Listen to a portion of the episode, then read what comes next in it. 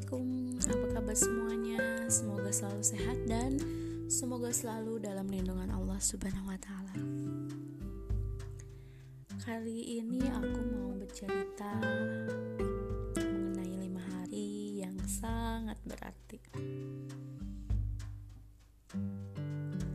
Jadi, ceritanya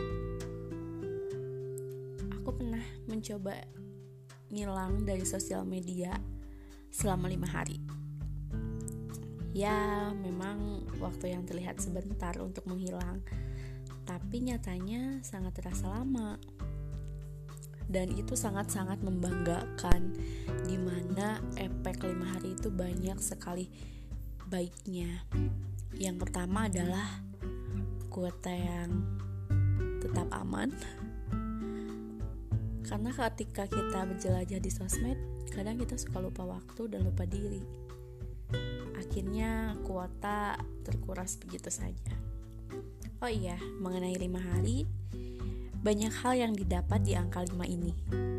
Salah satunya yaitu proyek yang sebelumnya selalu tertunda akhirnya dapat dituntaskan juga. Iya, proyek podcast yang sebelumnya aku upload yaitu tentang curhat temen itu adalah project yang selalu aku tunda dan akhirnya bisa dituntaskan di waktu lima hari aku menghilang. Dan yang paling penting adalah ketika diri tidak merasa aneh sendiri. Ternyata banyak orang yang merasakan hal yang sama. Apa sih yang dianehin? Jadi aku itu selalu merasa aneh. Tapi jangan bilang-bilang ya guys. Pokoknya aku selalu merasa aneh ketika aku dideketin sama yang bukan mahram. Maksudnya ya bisa dibilang ada cowok yang deketin gitulah. Aku selalu merasa aneh dan aku selalu merasa terganggu. Anehnya itu yaitu aku selalu merasa terganggu. Aku selalu merasa aku harus bilang enggak. Aku harus selalu merasa aku selalu merasa aku harus cuek aku selalu merasa aku harus jutek dan gak perlu nanggepin. Oke, okay, itu adalah salah satu hal yang cukup mengganggu di diri aku dan terkadang ketika aku berdoa aku supaya aku selalu minta sama Allah supaya kalau misalkan itu emang penyakit supaya Allah sembuhin gitu. Soalnya nggak sekali dua kali itu sering banget. Ya dan itu ya cukup ngeganggu sih tapi ya di lima hari itu aku merasakan sesuatu dan tentunya aku mendapatkan jawaban dari semua pertanyaan khususnya pertanyaan mengenai keanehanku itu. Kadang aku sampai nangis-nangis mikir sebenarnya apa yang terjadi gitu lah kok bisa sih sampai segitunya? Sampai segitunya nolak sampai segitunya bilang enggak sampai segitunya oh ya sampai-sampai aku nggak bisa tidur. Iya aku nggak bisa tidur kalau ada yang deketin. Asli itu super duper aneh memang. Cuman ketika di waktu lima hari itu ternyata alhamdulillah aku mendapat jawabannya sendiri. Di mana aku mendengarkan salah satu podcast seorang penulis dan dia seumuran denganku dia kelahiran 98 jadi ternyata yang aku rasain itu bukan keanehan. Di saat aku nggak bisa sembarangan nerima orang baru di ruang hati aku gitu itu bukan keanehan. Itu normal. Karena nggak semua orang bisa dengan mudah membagi ruang kosong di hatinya gitu loh. Ya nggak sih? Iyalah. Jadi di podcast yang aku dengerin itu persis sekali dengan apa yang aku rasakan. Ketika misalkan aku mencoba memaksakan oke okay, aku memaksakan menerima orang baru masuk ke kehidupan aku. Tapi aku tahu ujungnya nggak akan pernah berhasil. Dan aku mikir ternyata ketika aku nggak bisa nerima orang baru di kehidupan aku itu ya ya itu bukan belum jodoh belum jodoh aku gitu. Ya emang belum waktunya. Jadi aku pikir ya masih banyak hal-hal penting mungkin yang bisa dilakukan di tengah perbaikan diri ini. Sampai sampai nanti akhirnya aku ketemu orang yang bilang yang bisa bilang oke okay, yang bisa bikin aku bilang iya. Yang bisa bikin aku bilang hayu gitu. Dan nyatanya beberapa hari terakhir beberapa minggu terakhir aku masih bisa aku masih belum bisa bilang ya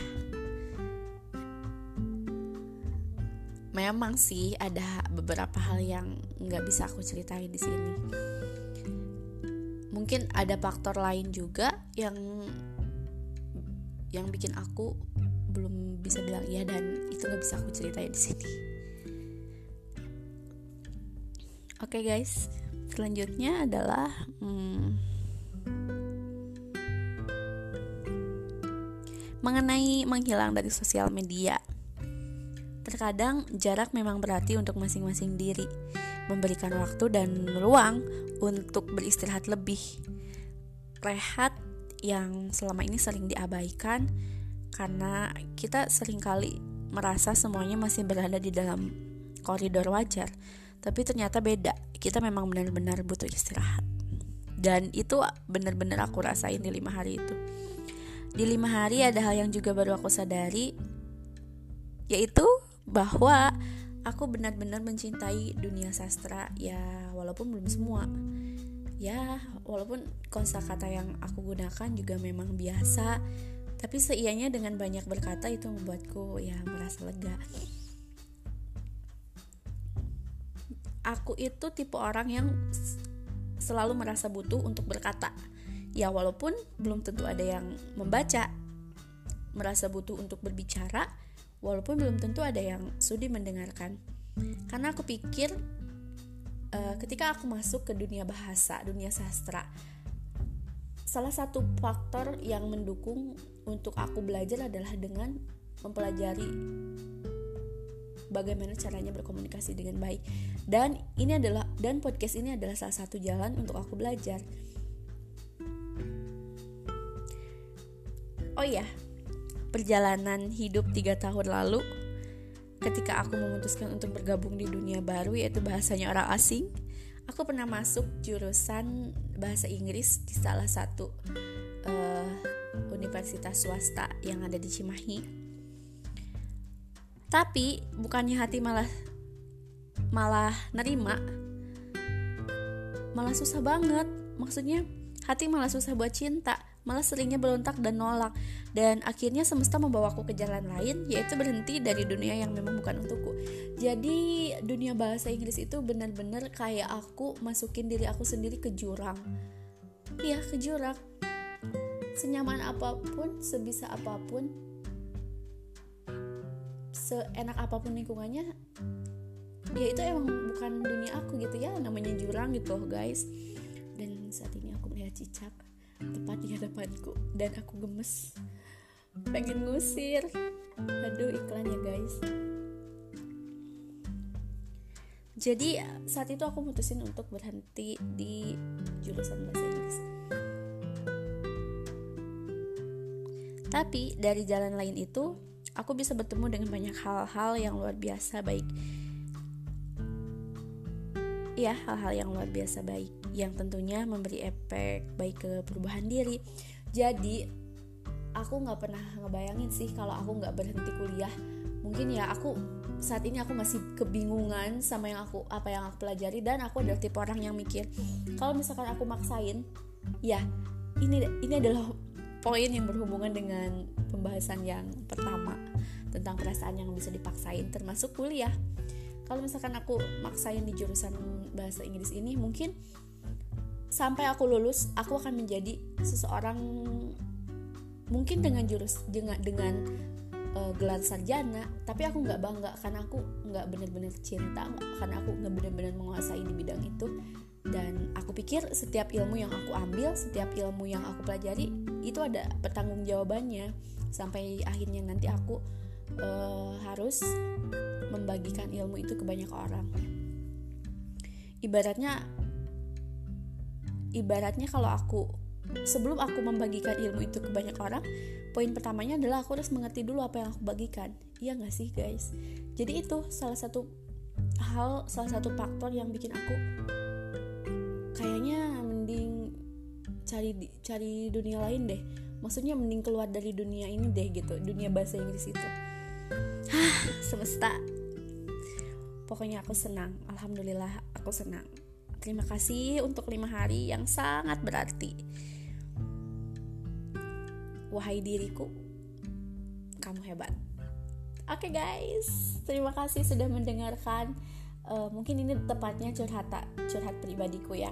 Semoga ada hikmah yang bisa diambil tentunya. Pasti ada sampai ketemu di podcast selanjutnya. Terima kasih. Assalamualaikum warahmatullahi wabarakatuh